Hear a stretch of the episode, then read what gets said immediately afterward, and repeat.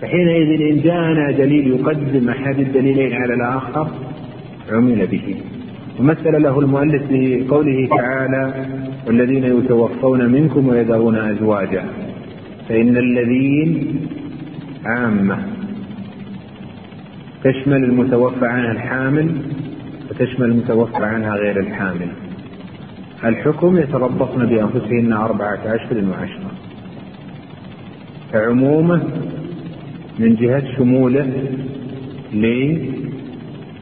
لكل حامل لكل متوفى عنه سواء كانت حاملا أو لم تكن. وخصوصا أنه في وفاة في عدة الوفاة.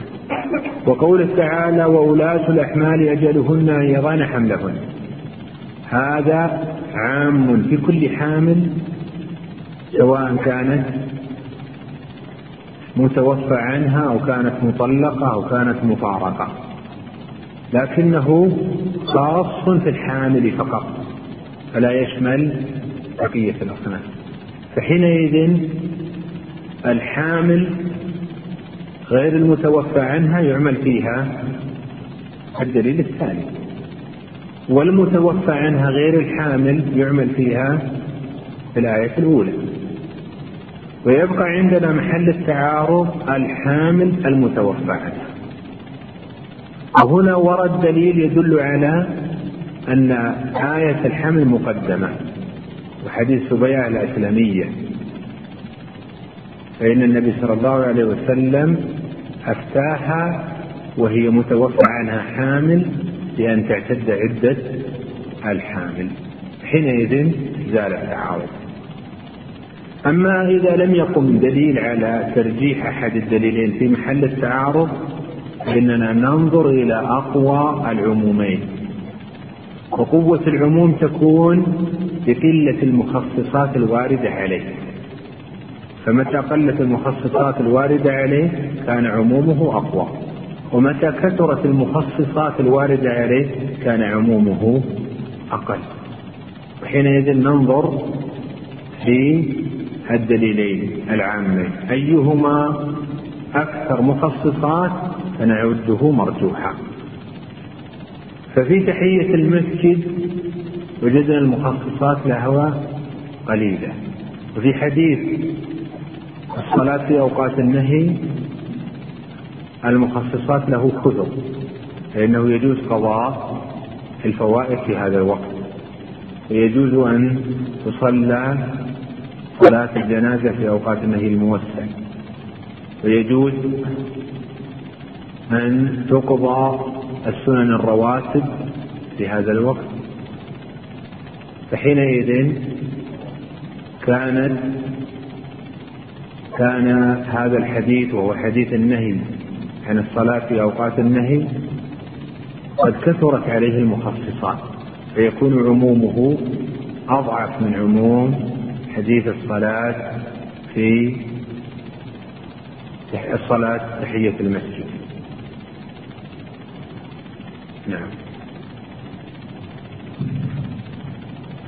قال رحمه الله يكفيك الأدلة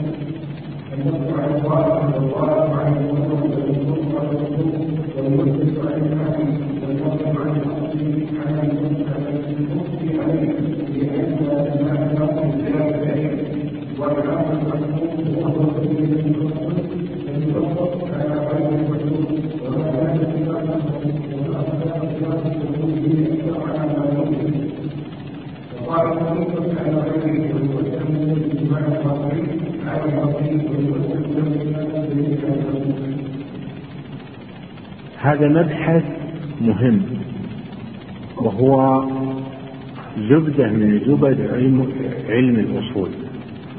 وكثير من ضلال الخلق ومن خطئهم يحصل من عدم إتقان هذا الباب.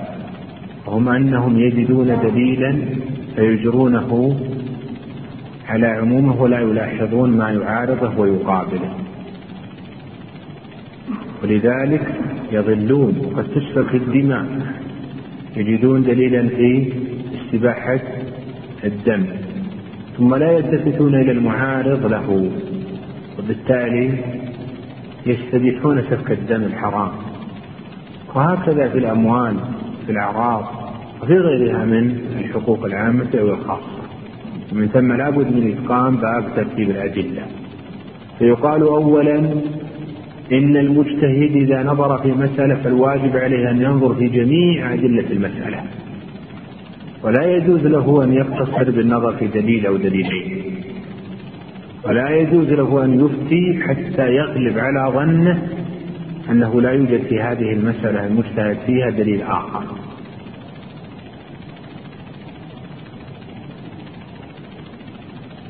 فإذا وجد جميع الأدلة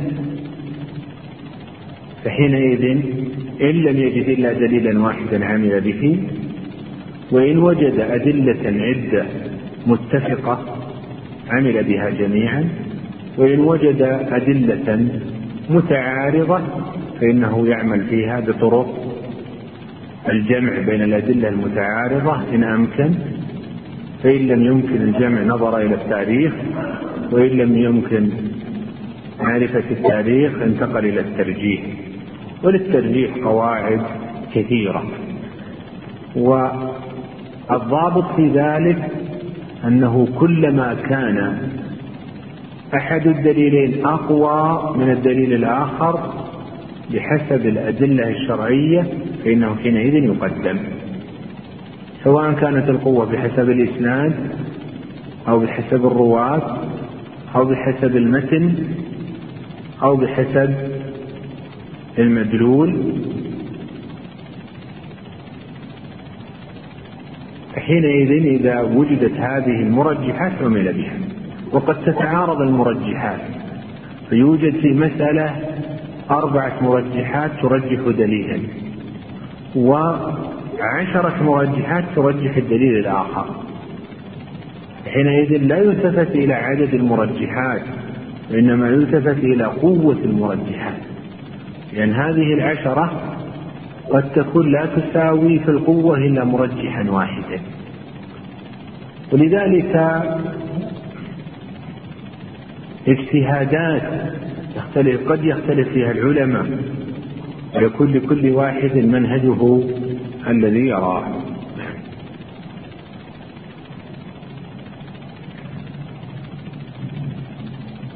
رحمه الله المؤمن والمستحيل المؤمن هو المؤمن عن المستحيل والمستحيل هو الثاني عن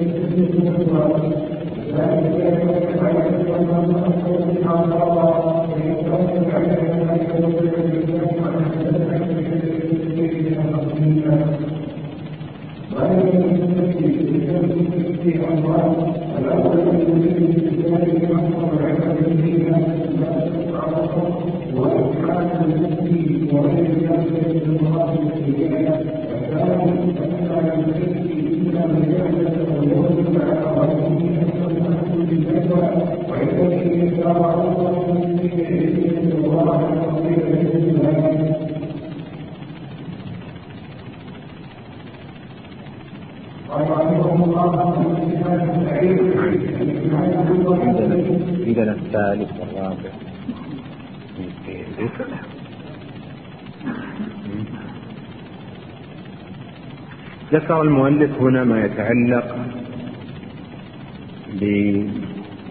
بالإفتاء.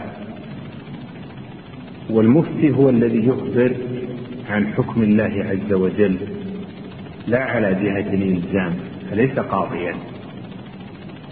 والمستفتي هو السائل للمفتي عن الأحكام الشرعية. والفتوى مبحث مهم لأن أهل الاجتهاد على ندور قلة بالتالي نحتاج إلى تعلم أحكام الفتوى وأحكام المستفتين لأن أغلب الأمة ليسوا من أهل الاجتهاد الواجب عليهم الاستفتاء. فيجب أن نتعلم أحكام الفتوى والاستفتاء لنسد حاجة أغلب الأمة. ثم إن الوصول إلى رتبة الاجتهاد التي يستغني الإنسان بها عن أهل الفتوى تحتاج إلى عمل كثير ووقت كثير وتحتاج إلى فهم دقيق وحينئذ يترتب عليه أن تسلك الأمة ما تحتاج إليه في مصالح دينها. في مصالح دنياها بحيث لا يعود هناك ولا يوجد هناك من يهتم بالبناء ويهتم بالزراعة أو يهتم بالصناعة لاشتغال الجميع بالعلم لتحصيل درجة الفتوى والاجتهاد لأنها عسيرة الناس فيها نوادر. لذلك هذا المبحث مبحث مهم. وكذلك نحتاج إلى معرفة أهميته من جهة من يحق لنا أن نستفتيه ومتى نعرف كون المتكلم ممن يجوز استفتاءه وممن لا يجوز؟ ثم ذكر بعد ذلك شروط الفتوى حيث إذا انتفى أحد هذه الشروط فإنه لا يجوز للإنسان أن يفتي. أول هذه الشروط معرفة المفتي بالحكم الشرعي. أما إذا كان غير عالم بالحكم الشرعي فلا يجوز له أن يفتي. لأنه حينئذ يقول على الله بلا علم. ومما يتعلق بهذا أن يكون عارفا بشروط الحكم في المسألة. بحيث لا يخفى عليه شيء من هذه الشروط. لأنه قد يفتي في مسألة بالتحريم ويكون للتحريم شرط لم يوجد في هذه المسألة. فلو لم يكن عارفا أن من شرط تحريم الميت عدم الاضطرار فقد يفتي المضطر بتحريم ذلك التحريم. الشرط الثاني معرفة المسألة المسؤول عنها معرفة تامة. بحيث يعرف صفات هذه المسألة وشروطها وصورها وما يندرج فيها وما لا يندرج. وبالتالي يتمكن من تطبيق الحكم الشرعي على هذه المسألة. لأنه لا يمكن أن يحكم على مسألة إلا إذا عرفها. فإذا أشكل عليه كلام المستفتي وجب عليه السؤال والاستفصال ما مرادك بكلمة كذا. ويلاحظ أن المستفتين قد تختلف ألفاظهم باختلاف بلدانهم وقد يختلف معاني كلامهم. لذلك يتكلم إنسان بكلمة يريد بها معنى والآخر يريد بها معنى آخر. فينزل كل كلام كل إنسان في محله. والثالث ألا يستعجل في المسألة. فيحكم فيها قبل تمام النظر. لذلك قالوا لا يجوز تقليد من عرف بالتساهل في الفتوى. ما المراد بالمتساهل في الفتوى؟ والذي يحكم في المسألة قبل تمام النظر فيها. فمن عرف بذلك حرم سؤاله ولا يجوز العمل بقوله. ليس المراد بالمتساهل في الفتوى من يفتي بالإباحة في محلها لا المراد به من يفتي في المسألة قبل تمام النظر فيها. وكذلك لا يفتي حال انشغال ذهنه. لأن النبي صلى الله عليه وسلم نهى عن قضاء القاضي حال الغضب. فكذا الفتوى لأن كل منهما إخبار عن حكم الله عز وجل. والشرط الرابع أن يكون المفتي من أهل الاجتهاد الذين توفرت فيهم شروط الاجتهاد. فإن فقد فيه الشرط من الاجتهاد لا يأتي ذكرها فلا يجوز له الفتوى. هذا بالنسبة للجواز أما شروط الوجوب متى يجب على المفتي أن يجيب في المسألة؟ إذا كان في المسألة إذا كانت المسألة لم تقع فإنه لا يجب عليه أن يجيب عنها. ويجوز له أن يعرض عن الجواب عنها لأن المسألة غير واقعة.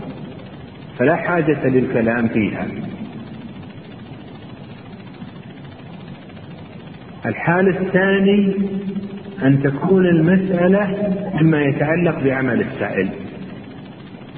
إن كانت المسألة مما لا يتعلق بعمل السائل قيل له لا علاقة لك بهذه المسألة وبالتالي لا يلزم الجواب فيها.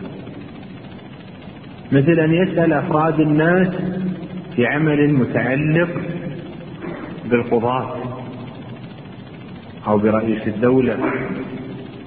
فيقال له هذا ليس من عملك ولا يجب علينا أن نجيب سؤالك. وكذلك لو كان قصد السائل ضرب آراء العلماء بعضهم مع بعض وعلم هذا المقصد منه فإنه لا يمكن من مقصوده. من أمثلة هذا ما يفعله بعض الصحفيين في الأسئلة التي يوجهونها إلى المشايخ والعلماء من أجل إثارة الناس إيجاد البلبلة والاضطراب في الأمة. فهؤلاء لا يجب إجابة سؤالهم. الأمر الثالث ألا يترتب على الفتوى ضرر أكبر. فإن ترتب على الفتوى ضرر أكبر توقف الإنسان عن الفتوى فيها. ولا يجب عليه أن يجيب الأمر الرابع ألا يوجد في ذلك البلد إلا ذلك المفتي إن وجد غيره من المفتين لا يجب على المفتي أن يجيب. وجاز له أن يحول غيره إلى يحول المستفتي إلى غيره من المفتين. لذلك كان الصحابة رضوان الله عليهم يتدافعون في الفتوى. الأمر الخامس أن يكون ذهن السائل مما يستوعب هذه المسألة. فإن سأل عن مسألة في القدر وذهنه لا يتحمل إيراد الجواب فيها فإنه لا يجب عليه أن يجيب سؤال هذا المستفتي. وكما يلزم على المستفتي أن يراعي الأمور السابقة على السائل المستفتي أن يلزم عددا من الأمور منها أن يحفظ جانب الأدب مع المفتي. لأن هذا مبلغ لشرع الله الواجب حفظ الأدب معه. ولا يجوز أن يتعامل الإنسان معه بتعامل يخالف منهج الأدب. ومن أمثلة ذلك أن يصيح عليه في السؤال ويرفع عليه الصوت أو أن يتصل عليه في وقت غير مناسب أو يقول أنت ما تفهم سؤالي أو إذا اعتذر منه الشيخ لانشغاله يؤكد عليه ويلح عليه بالجواب أو نحو ذلك. مما يخالف الأدب. ومما يلزم المستفتي أن يقصد باستفتائه الوصول إلى شرع الله عز وجل للعمل به. لا يقصد الإعنات ولا يقصد إيجاد خلخلة في الأمة بإثبات اضطراب العلماء واختلافهم. وكذلك من آداب المستفتي التي يجب عليه أن يلتزمها ألا يسأل إلا من هو أهل للفتوى. وأما من ليسوا بأهل فلا يسأله. وتعرف أهلية المفتي للفتوى بأمور. الأمر الأول برجوع أهل العلم إليه. من وجدناه يرجع العلماء المجتهدون إليه هذا من أهل الفتية. ومما يعرف به أن يكون متوليا للإفتاء في بلد في حضرة من العلماء فلا ينكر عليه أحد منهم. فإن عدم الإنكار دليل على أهلية ذلك الشخص للفتوى. ومنها أن يخبره عالم فأكثر من العلماء بأن فلانا من أهل الفتيا وأنه يجوز الرجوع إليه وسؤاله.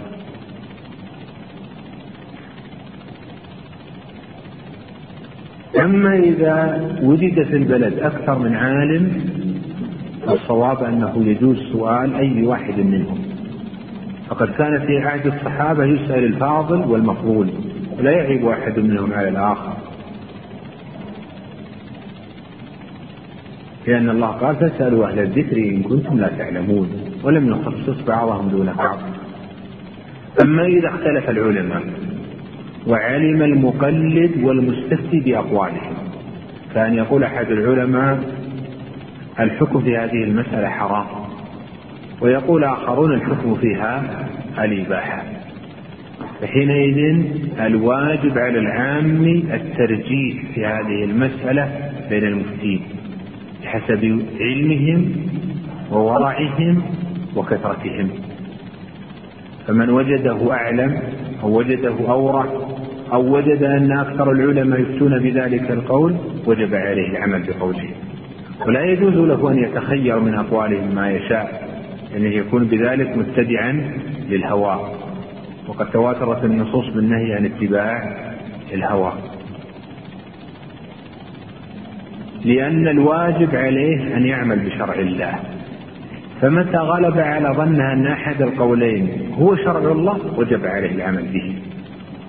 إما لعلم المفتي أو لورعه أو لكثرتهم من آدابه أيضا أن يسأل مسألة على حقيقتها فلا يخفي شيئا منها.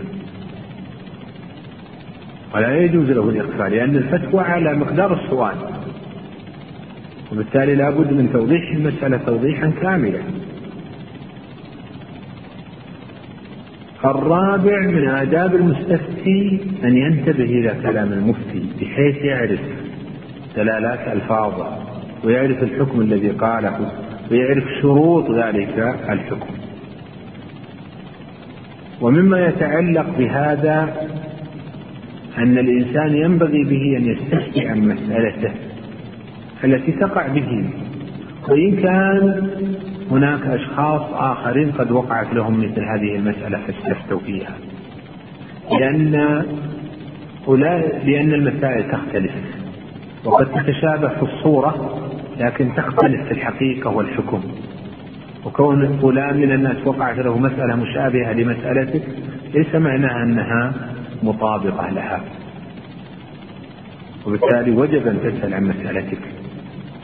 ثم لا يجوز لك أن تعتمد على نقل الفتوى من عامي لأنه قد ينزل الفتوى على غير محلها ولقد لا يفهم كلام الفقيه ولا يعرف مراده بهذه الكلمة.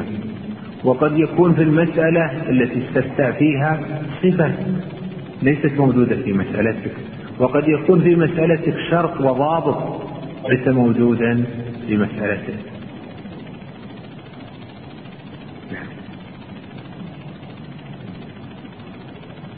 قال رحمه الله والاجتهاد يعني هو الوصف المسلم ورحمته التي في ورثتها والاخذ من كل فرد شريك والمجتهد من ذلك من وجهها حكم الاجتهاد لاجتهاد حكمها الله تعالى في الاجتهاد بآيات الاحكام وعلى الاجتهاد فهذه هي وهذا الامر في واحد ولا يمكن إكرام الرجال وعلى ذلك فأولا إن علمنا الله عن كما يقول صلى الله عليه وسلم قال وكذلك لا تأتي الإمام فيه متأخر أو تقليد أو نحن أو تحويل الآيات كما الله ذلك قال أن كان يجب أن فأتعلم أن الله تعالى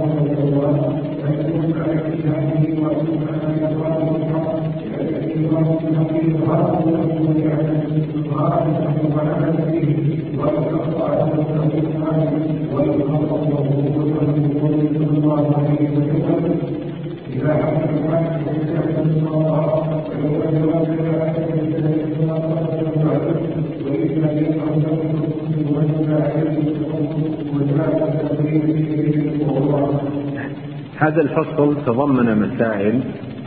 الأولى تعريف الاجتهاد. المراد بالاجتهاد أخذ الأحكام الشرعية من أدلتها. أخذ الأحكام الشرعية من أدلتها. يعني يبذل الإنسان جهده لتحصيل الحكم من خلال الكتاب والسنة والإجماع والقياس ونحوه من الأدلة. الأمر الثاني شروط الاجتهاد وهذه الشروط شروط لجواز الاجتهاد. فإن لم تتوفر هذه الشروط كان الاجتهاد حراما. وهي شروط لصحة الاجتهاد. فإن فقد شرط من هذه الشروط كان الاجتهاد فاسدا لا قيمة له. وهي شروط أيضا لوجوب الاجتهاد. فمن توفرت فيه هذه الشروط وجب عليه أن يجتهد وحرم عليه أن يقلد غيره. وهذه الشروط مرجعها إلى أربعة شروط.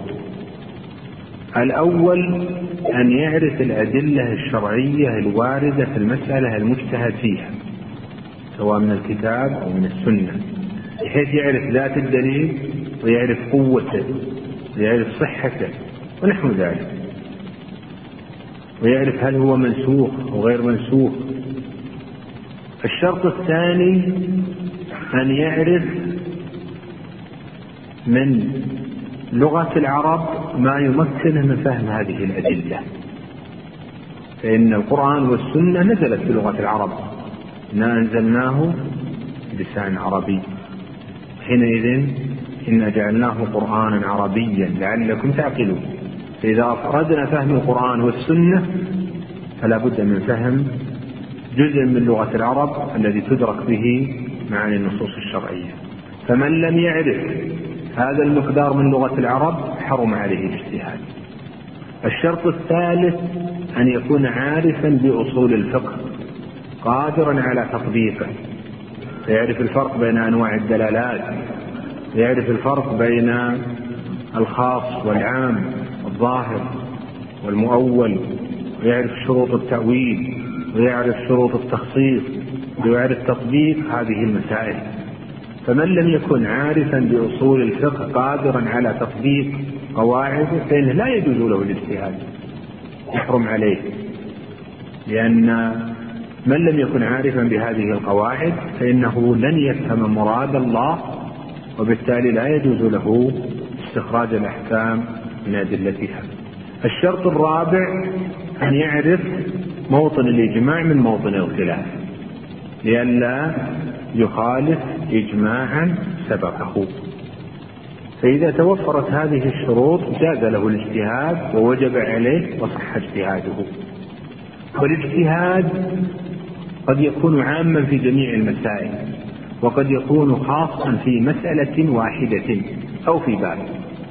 ولكن ليعلم بأن هذا لا بد فيه من وجود الشروط. فلو قال قائل ما دام أنه يصح تجزؤ الاجتهاد فسأجتهد في باب الجهاد مثلا. فنقول هذا الشخص ليس عارفا بالقواعد الأصولية غير قادر على تطبيقها على الأدلة وبالتالي لا يجوز له. لا يجتهد في هذا الباب ولو كان بابا واحدا إلا إذا توفرت فيه الشروط لأن يعرف الأدلة الواردة في هذا الباب. ويعرف أصول الفقه بقواعده ويكون قادرا على تطبيقه ويعرف من دلالة اللغة ما يعينه على فهم هذه الأدلة ويعرف موطن الإجماع والخلاف في هذا الباب. إذا تقرر هذا فإن المجتهدين يقسمون خمسة أقسام. القسم الأول المجتهد المطلق. والمراد بالمجتهد المطلق الذي يكون مستقلا في فروعه وفي أصوله غير متقيد بمذهب. فيكون في أصول الفقه له أقوال اجتهادية.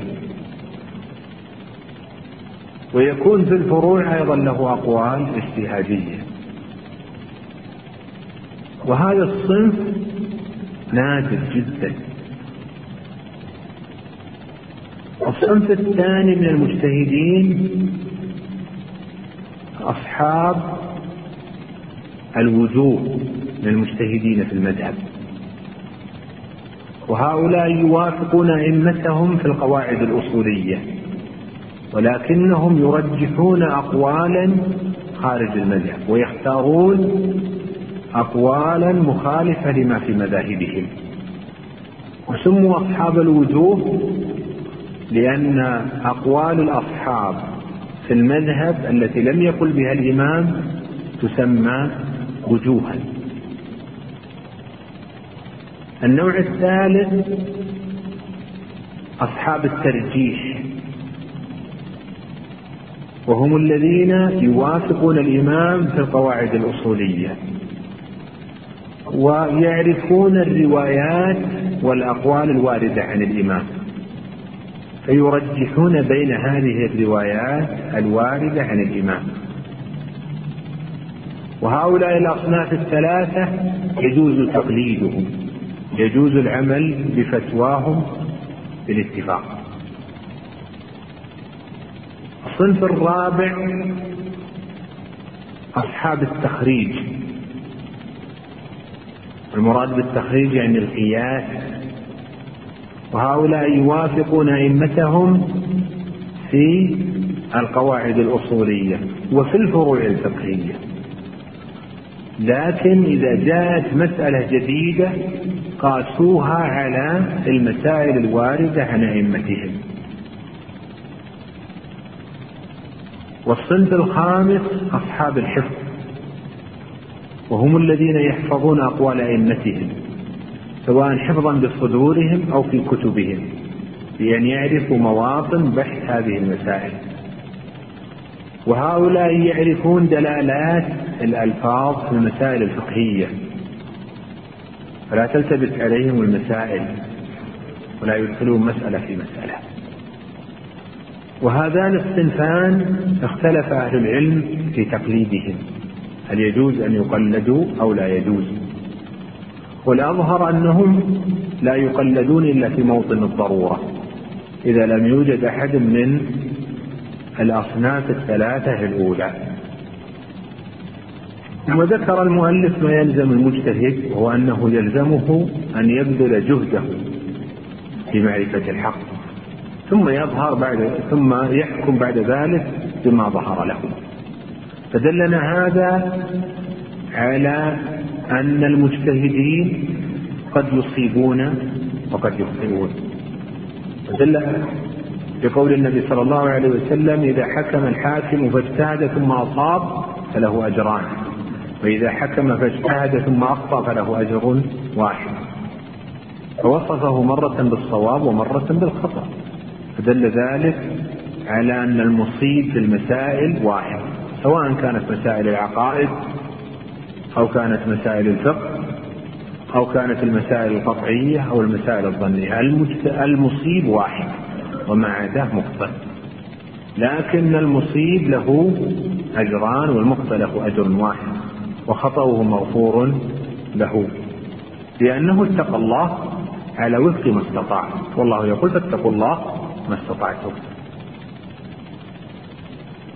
هل يجوز للمجتهد أن يقلد؟ نقول لا يجوز له بل الواجب عليه أن يعمل باجتهاده. لقوله سبحانه اتبعوا ما أنزل إليكم من ربكم. ولقوله جل وعلا أطيعوا الله وأطيعوا الرسول. ولقوله فإن تنازعتم في شيء فردوه إلى الله والرسول. وحينئذ متى كان المرء قادرا على الاجتهاد فإنه لا يجوز أن يعمل بقول غيره. بل الواجب عليه أن يعمل باجتهاد نفسه. حتى ولو مع ضيق الوقت على الصحيح سواء كان باجتهاد لنفسه أو في فتوى لغيره. إلا إذا عجز فإنه إذا عجز جاز له أن يقلد لقوله فاتقوا الله ما استطعتم قال رحمه الله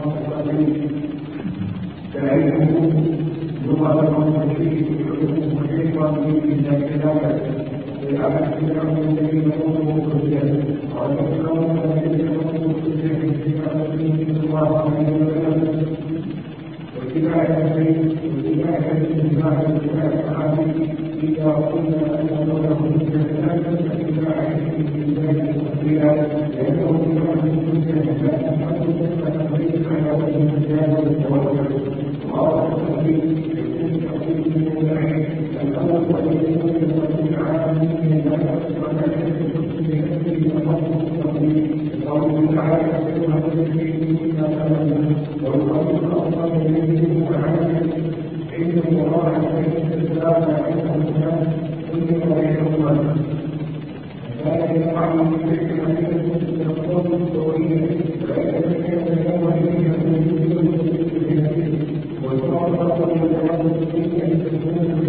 لا تكون. هل لا تكون. ألا تكون.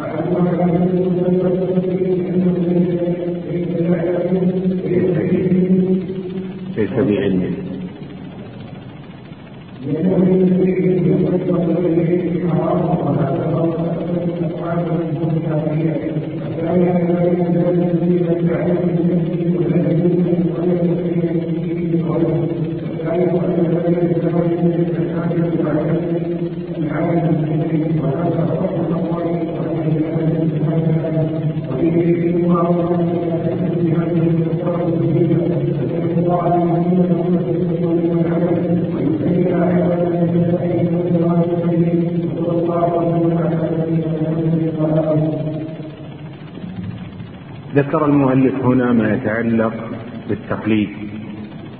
المراد بالتقليد التزام قول أحد العلماء قول أحد المفتين إما اعتقادا أو عملا ممن لا يكون قوله حجة. التقليد التزام الإنسان مذهب من ليس قوله حجة شرعية. ومن أمثلته أن يتبع الإنسان أحد علماء زمانه. هذا تقليد.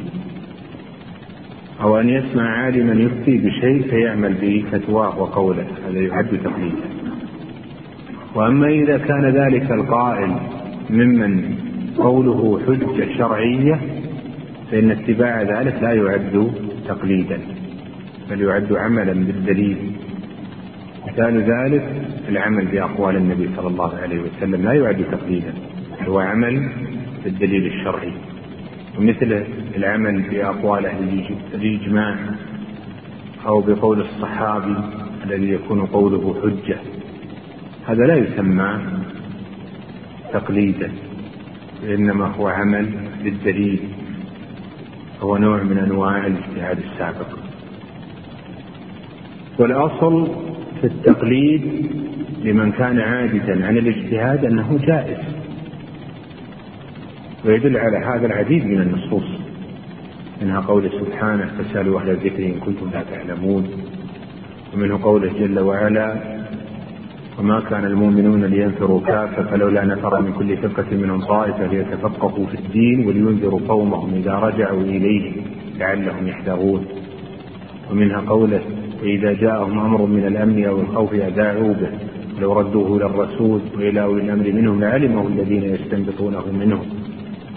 ومن قول النبي صلى الله عليه وسلم ألا سألوا إذ لم يعلموا ومن حديث العسيف فإن قال قال للنبي صلى الله عليه وسلم يا رسول الله إني سألت أهل العلم فأخبروني بكذا. فلم ينكر عليه النبي صلى الله عليه وسلم. ومن ذلك إرسال النبي صلى الله عليه وسلم للعلماء في زمانه للبلدان قضاة ومعلمين ومفتين. يعلم الناس أحكام دينهم. النصوص في ذلك كثيرة. والتقليد من أجل جوازه لا بد أن يتوفر شروط. الشرط الأول أن يكون المقلد غير مجتهد. فأما المجتهدون فلا يجوز لهم أن يقلدوا لأن التقليد موطن ضرورة لأن الأصل العمل بالنصوص الشرعية. فإذا عجز الإنسان عن العمل بالنصوص انتقل إلى العمل بكلام العلماء. لقوله سبحانه فاسألوا أهل الذكر إن كنتم لا تعلمون. دل ذلك على أن من كان عالما لا يجوز له أن يسأل. ودل ذلك على أن أهل الذكر يسألون وأنه لا يجوز لهم أن يسألوا. الشرط الثاني من شروط التقليد أن يكون المقلد أهلا للتقليد ممن يجوز تقليده. أما إذا كان الشخص ممن لا يجوز تقليده فلا يحق للعام أن يسأله ولا أن يستفتيه. كما لو كان مجهول الحال لا يجوز له أن يسأل مجهول الحال أو كان جاهلا لا يجوز له أن يسأل الجاهل. إنما الواجب سؤال العلماء. وهناك شرط يذكره بعض العلماء وهو أن لا يسأل إلا أفضل أهل زمانه. قد تقدم معنا أن الصواب أنه يجوز للعام أن يسأل أي عالم في زمانه. متى توفرت فيه شروط الاجتهاد؟ لأن في عهد الصحابة كان يسأل الفاضل والمقبول. ولم يعب أحد منهم على أحد. فكان هذا إجماعا من الصحابة. هناك الشرط الرابع يشترطه بعض العلماء أن تكون المسألة من مسائل الفقه الفروعية ولا يجيزون له أن يسأل في العقائد. يقولون العقائد يجب أن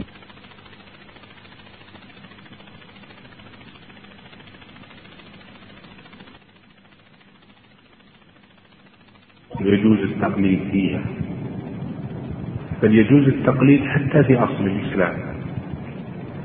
وذلك لأن الأعرابي الجلف كان يأتي للنبي صلى الله عليه وسلم فيقر بالشهادتين فلا يسأله هل أخذت ذلك اجتهادا أو تقليدا هل أخذته بنظر أو اتباعا لغيره. ولذلك في حادثة الهجرة أن أسعد بن زرارة وسعد بن معاذ لما رجعوا إلى قومهم قالوا لا نخاطبكم حتى تدخلوا فيما دخلنا فيه. في حادثة الطفيل بن عمرو الدوسي رجع إلى أهله وذويه فقال لامرأته لا أخاطبك حتى تدخلي فيما أنا فيه. فأسلمت وقال لقومه مثل ذلك فأسلموا. ولم يعد النبي صلى الله عليه وسلم ذلك عليهم. لأن المرود لأن المراد الوصول إلى الحق. فبأي طريق وصل العبد إليه؟ جاز وذهب طائفة إلى تحريم التقليد في العقائد قالوا لأن الله عز وجل قد ذم وعاب الذين يقلدون. وإذا قيل لهم اتبعوا ما أنزل الله قالوا بل نتبع ما ألفينا عليه آباءنا. والصواب هو القول الأول. والنصوص التي ذمت من قلد إنما ذمت من قلد في باطل أما من قلد في حق فإنه لم يأتي دليل بذمه. أو ذمة من قلد فيما يقابل الأدلة الواردة عليه. حينئذ الأظهر جواز مثل ذلك. ولأن العامي هذا مقدوره وهذه هي قدرته. الله يقول فاتقوا الله ما استطعتم. ثم ذكر المؤلف أن التقليد على نوعين. النوع الأول تقليد عام. بأن يلتزم مذهبا من المذاهب في كل مسائله في قليلها وكثيرها. يأخذ برخص ذلك المذهب وعزائمه في جميع أمور دينه. فهذا تقليد عام. ويسمونه التمذهب. يسمونه التمذهب بأخذ بالأخذ بمذهب عام. المذهب قد اختلف فيه أهل العلم على ثلاثة أقوال. القول الأول أنه واجب. قالوا لأن الاجتهاد في المتأخرين متعذر وقليل ونادر. حينئذ نرجع إلى اجتهادات المتقدمين. فنعمل بها من خلال مذاهبهم المدونة. والقول الثاني بأن التمذهب جائز. ليس بواجب ولا بحرام. قالوا لأن في ذلك اتباعا للأئمة الذين يجوز تقليدهم سواء قلدنا أصحاب هذه المذاهب أو قلدنا من كان موجودا في زماننا من العلماء.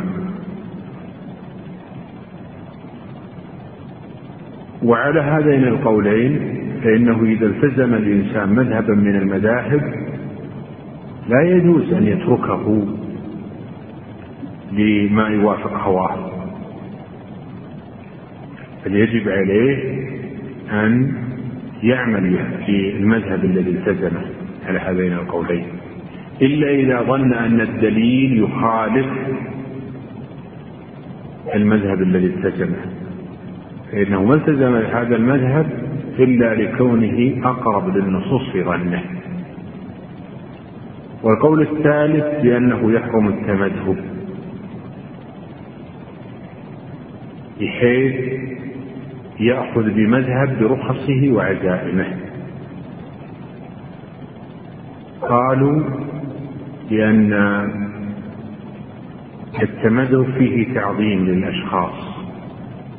فيه التزام مطلق بقول أحد من الناس وفيه ظن عصمة ذلك المقلد صاحب المذهب.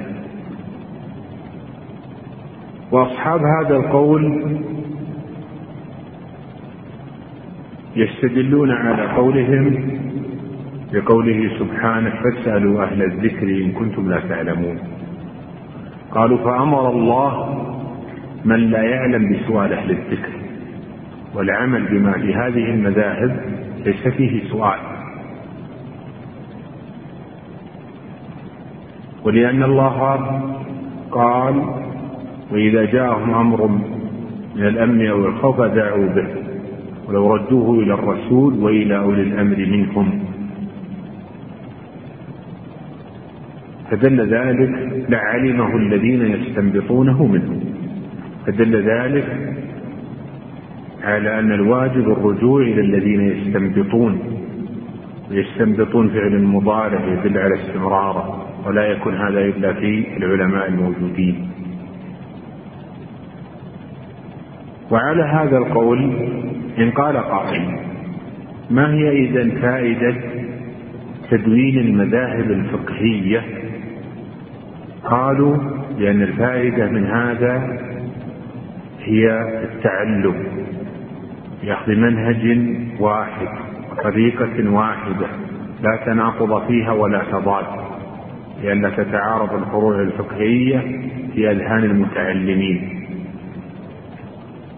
وبالتالي يجوزون الانتساب للمذهب بمعنى أنه ينتسب إليه على جهة التعلم لا على جهة التزام المذهب.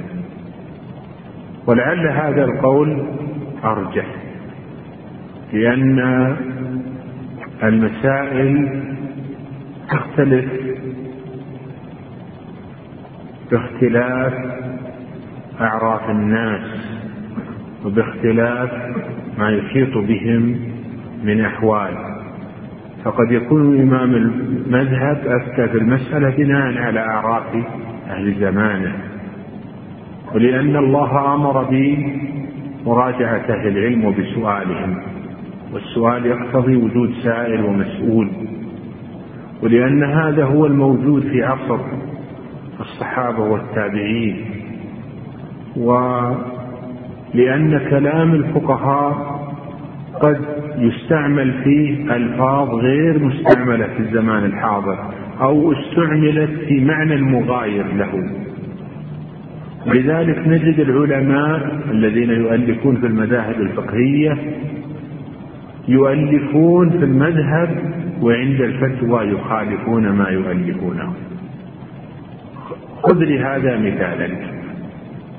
ابن قدامة في كتابه العمدة وفي بقية كتبه الفقهية قرر أقوالا لأنها هي المذهب.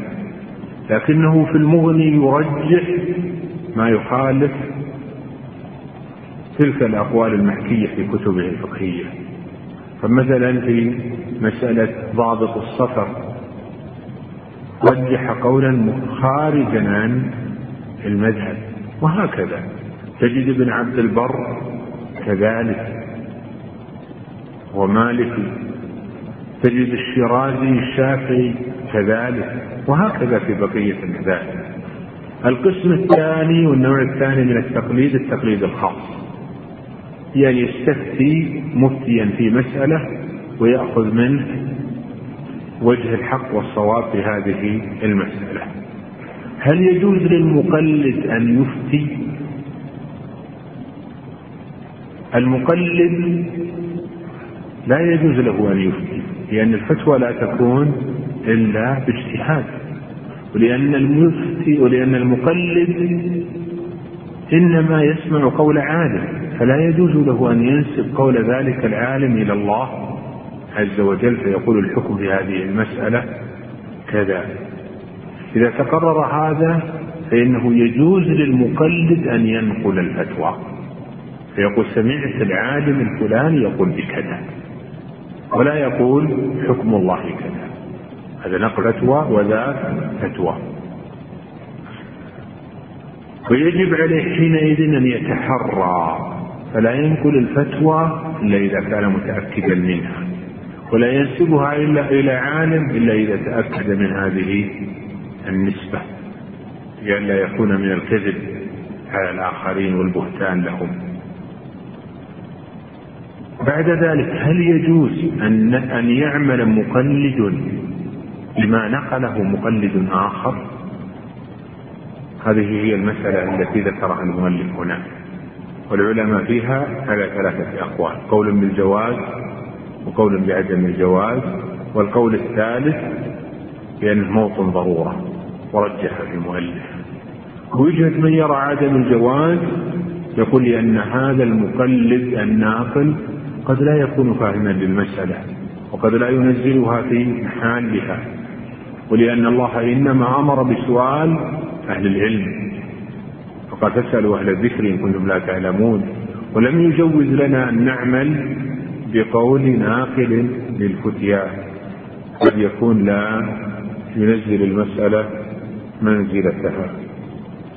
ومسائل علم الأصول مسائل مهمة ضرورية يستفيد الإنسان منها في كل حياته. ومسائل الاجتهاد والتقليد مسائل يحصل فيها الخلط كثيرا. تتفاوت فيها الأذهان. حينئذ الواجب إعطاء عناية خاصة لهذه المسائل. أسأل الله عز وجل أن يرزقنا وإياكم العلم النافع والعمل الصالح يجعلنا وإياكم هداة مهتدين وأن يجعلنا وإياكم موفقين أينما كنا. حطنا سؤال واحد.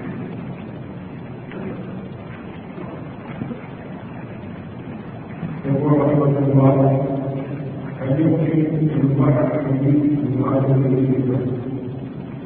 إذا وجد حديث صحيح والإجماع بخلافه فحينئذ لا يخلو الحال من أحد أمرين. الأمر الأول أن يكون الإجماع المحكي في المسألة غير صحيح. باطل لأن يعني يوجد في المسألة خلاف وبالتالي يكون الناقل للإجماع لم يتحرى في المسألة ولم يتأكد فيها. الحالة الثانية أن يكون ذلك النص لا يجب علينا العمل به إما لكونه منسوخا وإما لكونه ضعيفا لكن لا يضعف الحديث بمجرد مخالفة للإجماع. احتمال أن يكون سبب ترك أهل الإجماع له ورود حديث ناسخ له.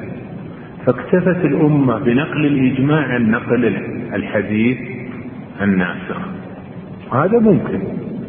ولذلك لا يضعف الحديث بمجرد مخالفة الإجماع وإنما يقال هذا الحديث قد ترك العمل به لوجود الإجماع. نسأل الله عز وجل أن يوفقنا وإياكم الهدى والتقى والعلم النافع والعمل الصالح.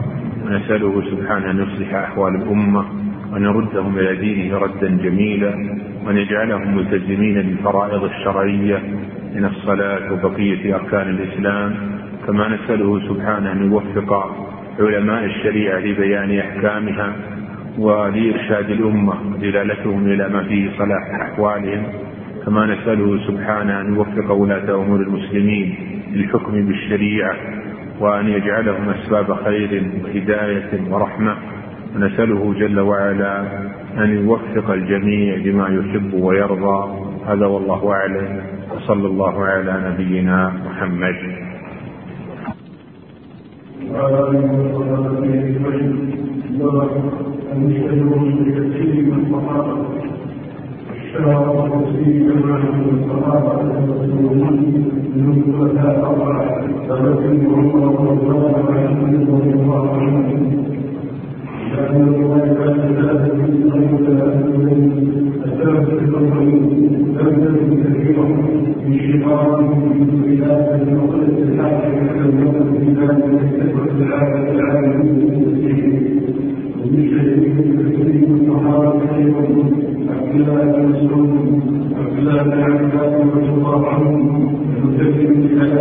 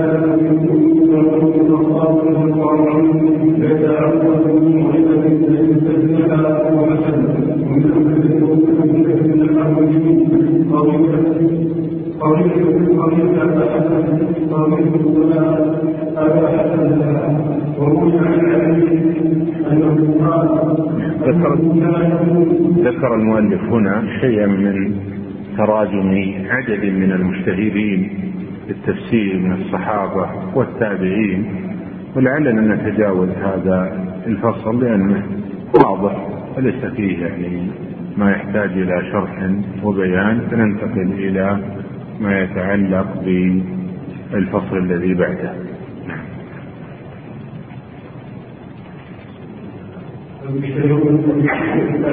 القرآن القرآن تنوع القرآن الكتاب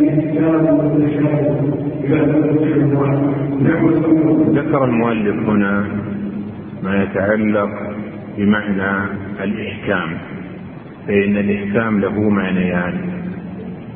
الأول الإحكام بمعنى الإتقان والجودة فهذا كل القرآن محكم بهذا المعنى. قال تعالى كتاب أحكمت آياته. وقال تلك آيات الكتاب الحكيم. ولذلك القرآن لا يمكن أن يتناقض ولا أن يتضاد. النوع الثاني من أنواع الإحكام الإحكام الخاص. وذلك أن بعض الآيات محكمة وبعض الآيات متشابهة ليست بمحكمة. كما في قوله هو الذي أنزل عليك الكتاب منه آيات محكمات هن أم الكتاب وأخر متشابهات والمراد بالإحكام هنا وضوح المعنى وجلاء بحيث لا يكون فيه خفاء. وأما النوع الثاني وهو التشابه. التشابه له معنيان. الأول التشابه العام. قال تعالى في وصف الكتاب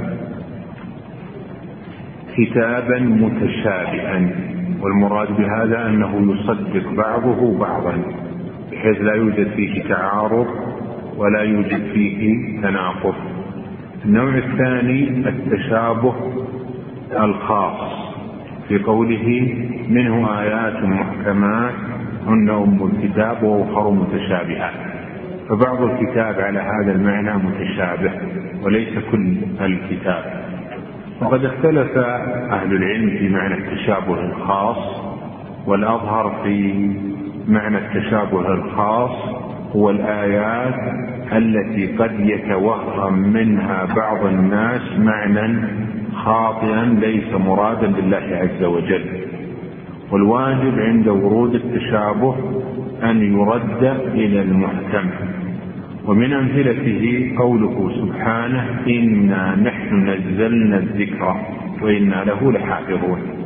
فإنه يحتمل أن يراد بها الجمع فيكون الله متعددا تعالى الله عن ذلك ويحتمل أن تكون على جهة تعظيمه سبحانه لنفسه. فإذا رددنا هذه الآية المتشابهة إلى غيرها وجدنا أن المراد هو المعنى الثاني. بقوله سبحانه قل هو الله أحد. فدل ذلك على أنه سبحانه ليس متعددا. وهكذا في بقية الأمثلة التي ذكرها المؤلف. قال موقف الراسخين في العلم. الراسخون في العلم بالنسبة للمحكم يؤمنون به ويعملون به. وبالنسبة للمتشابه يردونه إلى المحكم فبالتالي لا يتبادر إلى أذهانهم المعنى الخاطئ. وأما الزائغون فإنهم يعملون بالمتشابه بمعنى أنهم يختارون المعنى غير المراد لله عز وجل. وقد أثنى الله على الراسخين في قوله والراسخون في العلم يقولون آمنا به كل يعني المتشابه والمحكم من عند ربنا. والآية هنا وما يعلم تأويله إلا الله. التأويل قد يراد به حقائق ما في الكتاب وهذا مما اختص الله بعلمه. لذلك وردت القراءة في وما يعلم تأويله إلا الله بالوقف على الله. والراسخون تكون مبتدأ ويقولون خبر يعني أنهم يؤمنون وأنهم لا يعلمون التأويل. المعنى الثاني أن يراد بالتأويل التفسير أن يراد به التفسير بحسب الظاهر. وحينئذ يكون الراسخون ممن يعلم تأويله. فتكون الواو عاطفة. وقد قال مجاهد بأنه عرض كتاب الله عز وجل على ابن عباس كله يوقفه عند كل آية آية. وحينئذ نعلم أن التأويل هنا لا يمكن أن يراد به التأويل بحسب الاصطلاح المتأخر. وهو صرف اللفظ عن الظاهر بمعنى المرجوح. هذا ليس مرادا هنا لأن هذا المعنى وهذا الاصطلاح متأخر ولا يجوز أن نفسر القرآن على وفق المصطلحات المتأخرة. وبناء على ذلك يكون التشابه على نوعين. النوع الأول ما لا نعلم معناه مطلقا. ويكون مما استأثر الله بمعناه ومن أمثلة ذلك حقائق آيات الصفات. فإن الحقيقة حقيقة الصفة وكيفية الصفة لا نعلمها. فإن كيفية الصفة لا نعلمها. النوع الثاني التشابه النسبي. يعني يكون متشابها على بعض الناس دون بعضهم الآخرين.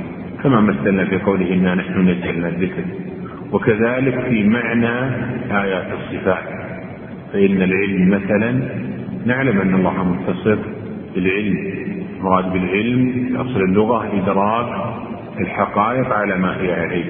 فهذا المعنى يتصف الله عز وجل به. لكن كيفية العلم؟ نحن لا نعلم. كيف يعلم؟ نحن لا نعلم فتكون من التشابه الحقيقي. أما أصل الصفة ومعناها اللغوي فهذا تشابه نسبي. وهكذا بقية الصفات سواء كانت من الصفات المعنوية أو صفات الذات أو كانت من آه، صفات الأفعال. ثم ذكر المؤلف الحكمة في تنوع القرآن وابتلاء العباد واختبارهم وليكون ذلك مجالا لدراسة القرآن وتعرف معانيه. ثم بعد ذلك تكلم المؤلف عن ما يوهم التعارف في القرآن. فقد توجد بعض الآيات يظن بعض الناس أنها متعارضة. وبالتالي آه، لا يعرفون معناها حقيقة. أما من ما عرف المعنى حقيقة فإنه لا يوجد تعارض. لأن الله عز وجل قال أفلا يتدبرون القرآن ولو كان من عند غير الله لوجدوا فيه اختلافا كثيرا. فدل ذلك على أن ما يكون من الله لا اختلاف فيه ولا تعارض حقيقي بينه. ومن أمثلة ومن دليل ذلك قوله سبحانه ومن أصدق من الله حديثا والصادق لا يمكن أن يتعارض خبره ومن أمثلة ما يوهم التعارض قوله سبحانه إنك لا تهدي من أحببت مع قوله وإنك لتهدي بالإثبات إلى صراط مستقيم.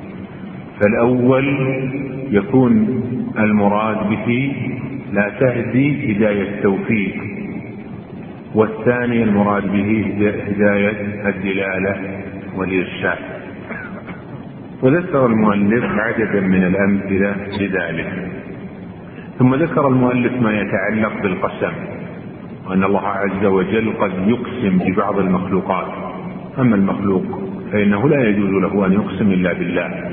قال صلى الله عليه وسلم من كان حالفا فليحلف بالله أو ليسكت. وقال لا تحلفوا بآبائكم. ونهى عن الحلف بالأمانة. والقسم له أدوات. منها الواو قوله والعصر. ومنها الباء لا أقسم بيوم القيامة.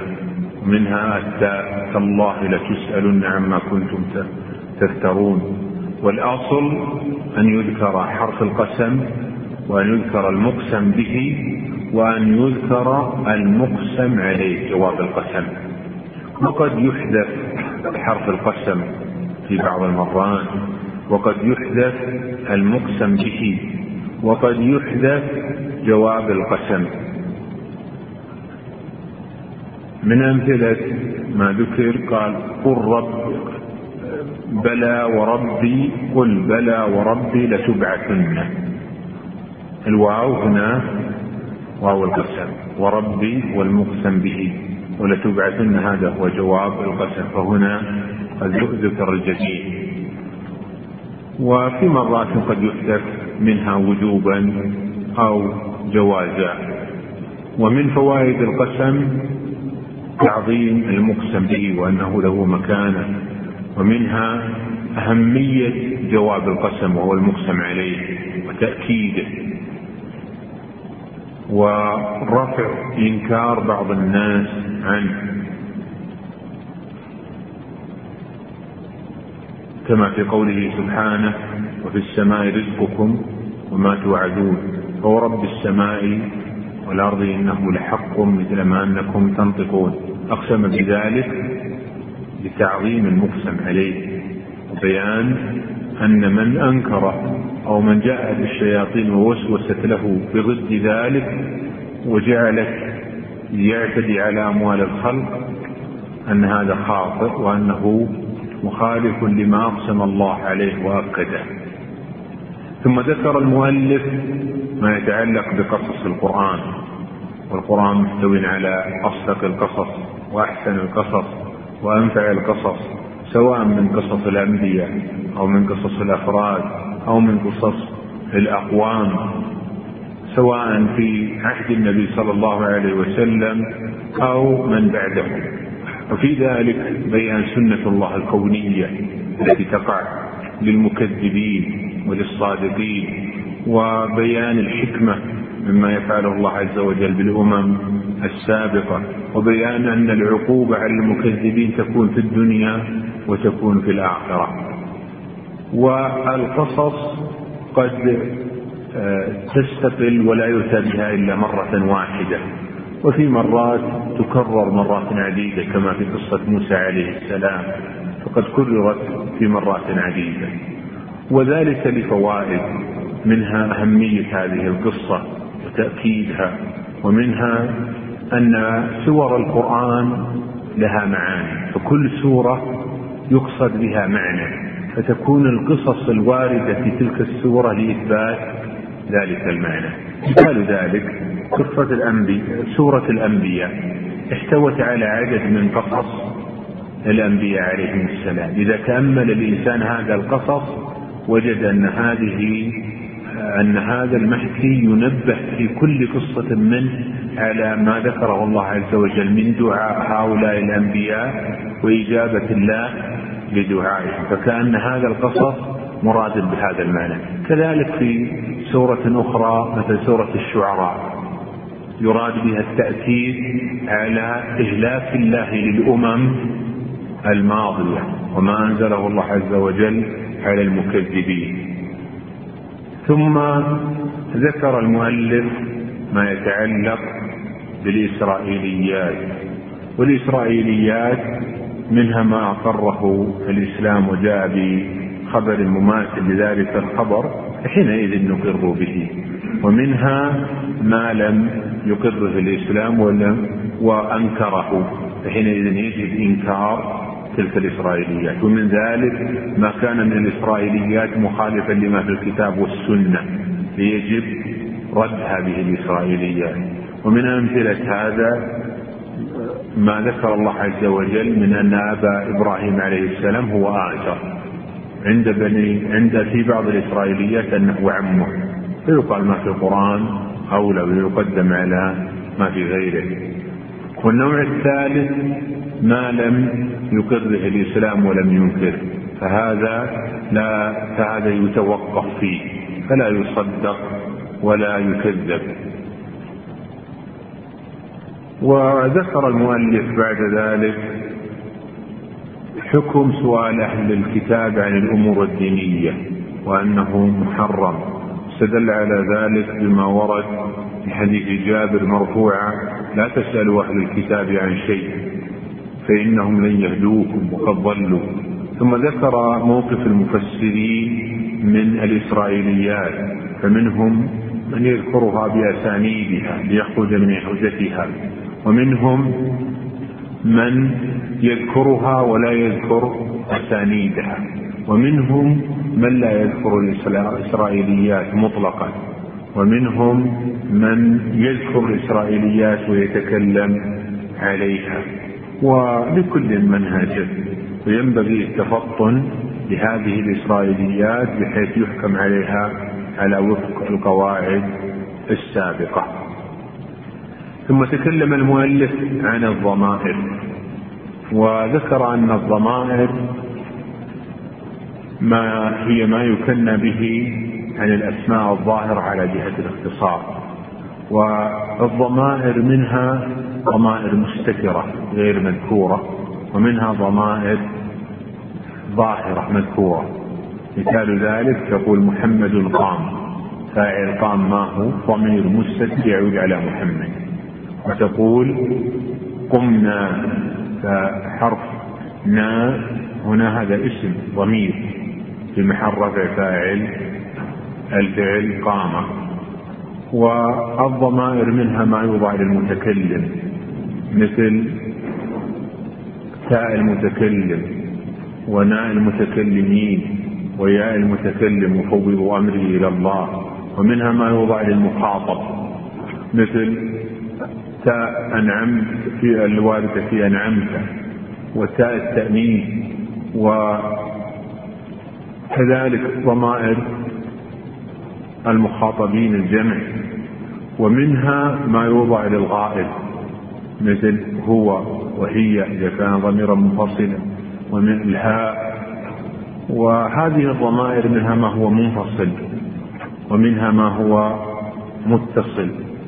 وهذه الضمائر ترجع إلى أسماء مذكورة والمذكور قد يكون موجودا مثل ونادى نوح ربه.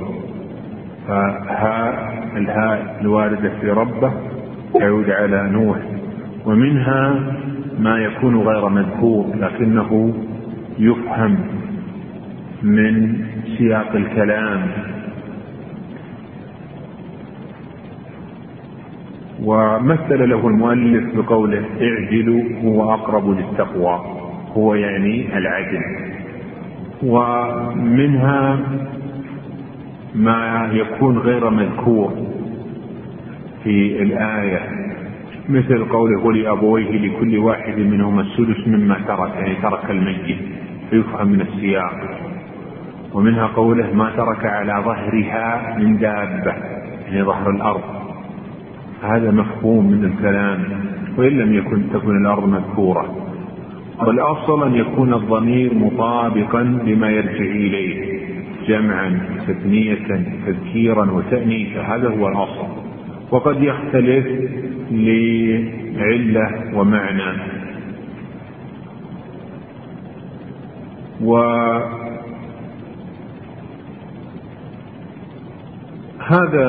ما يتعلق بالضمائر. ثم ذكر أن الأصل أن يؤتى في مكان الضمير بضمير لأن أخصر للكلام وأبين للمعنى. ولكن قد يؤتى بالاسم الظاهر من باب التأكيد مثلا أو من باب بيان علة الحكم أو من باب بيان عموم الحكم.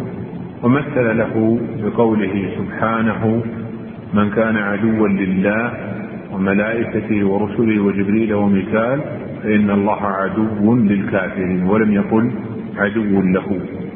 وذلك لبيان العلة العداوة هي الكفر. ولمناسبة آه، تناسق الآيات الواردة في هذه السورة. ثم تكلم المؤلف عن ضمير الفصل وهو الضمير غير المتصل بالكلمة سواء هو أو أنا. وقد يؤتى بضمير الفصل بعد ضمير سابق للتأكيد أو لبيان الحصر أو لتأكيد أو لبيان أن هذا المحل يتأكد عليه المعنى. ومن أمثلة قوله وأولئك هم المفلحون فإنهم ضمير منفصل أتي به. وهنا فيه تأكيد لفلاح هذه الطائفة وفيه بيان أن الفلاح خاص بهذه الطائفة. وفيه فصل بين الكلمتين. ولذلك كما في قوله يا أيها الذين آمنوا أنفقوا مما رزقناكم من قبل أن يأتي يوم لا بيع فيه ولا خلة ولا شفاعة والكافرون هم الظالمون. ولم يقل الظالمون هم الكافرون. لأن يعني قد يوجد ظالم ليس بكافر ولكن كل كافر فإنه ظالم بدلالة هذه الآية. ثم تكلم المؤلف عن الالتفات بحيث يخاطب مرة بأسلوب ثم ينتقل إلى أسلوب آخر. يخاطب مرة بأسلوب المخاطب فينتقل بعد ذلك إلى أسلوب مخاطبة الغائب. كان كما في قوله حتى إذا كنتم في الفلك وجرين بهم. فأولا قال كنتم. هذا حاضر. ثم قال بهم هذا غائب. وقد يكون العكس فينتقل من الغيبة إلى الخطاب أو من الغيبة إلى التكلم. أو العكس من التكلم إلى الغيبة. إنا أعطيناك الكوثر فصل لربك. فحول الكلام من قول إنا أعطيناك هنا تكلم إيش؟ حول الكلام من التكلم. هنا تكلم. إنا أعطيناك ثم حوله إلى الغيبة. فقال فصل لربك. والالتفات من الغيبة إلى التكلم أو إلى الخطاب له فوائد. منها جر الانتباه. وإذا تغير أسلوب الكلام فإن الإنسان ينتبه. وفيها أيضا جعل الإنسان يتفكر في معاني الكتاب العظيم. وفيها أيضا دفع للسآمة والملل عن الإنسان. وهناك فوائد كثيرة خاصة بمواطن الالتفات لكل موطن آه، خاصية. هذا آخر ما تكلم عنه المؤلف في مقدمة في مقدمة في أصول التفسير هو كتاب نافع طيب آه، يسد حاجة للأمة. هذا ونسأله سبحانه أن يوفقنا جميعا للخير يجعلنا وإياكم هداة مهتدين وأن يصلح أحوال الأمة وأن يردها إلى دينه ردا جميلا. هذا والله أعلم. وصلى الله على نبينا محمد.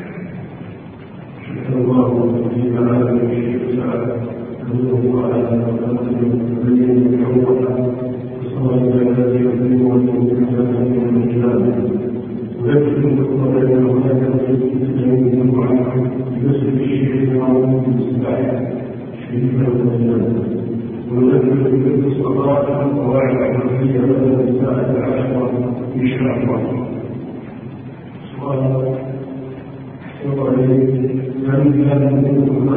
هل هل ونصوص الله من قوله تعالى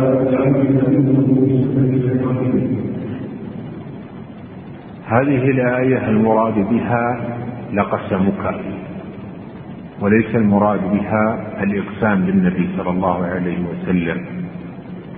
والقسم بهذه هذه الصيغة من صيغ القسم لعمرك. هذه من صيغ القسم. ولذلك لا يجوز أن يتكلم بها الإنسان إلا إذا كانت متعلقة بالله عز وجل.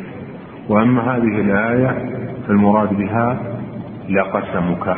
كأن الله يقول القسم الذي تقسم به يا أيها النبي فإنه سيحصل كذا.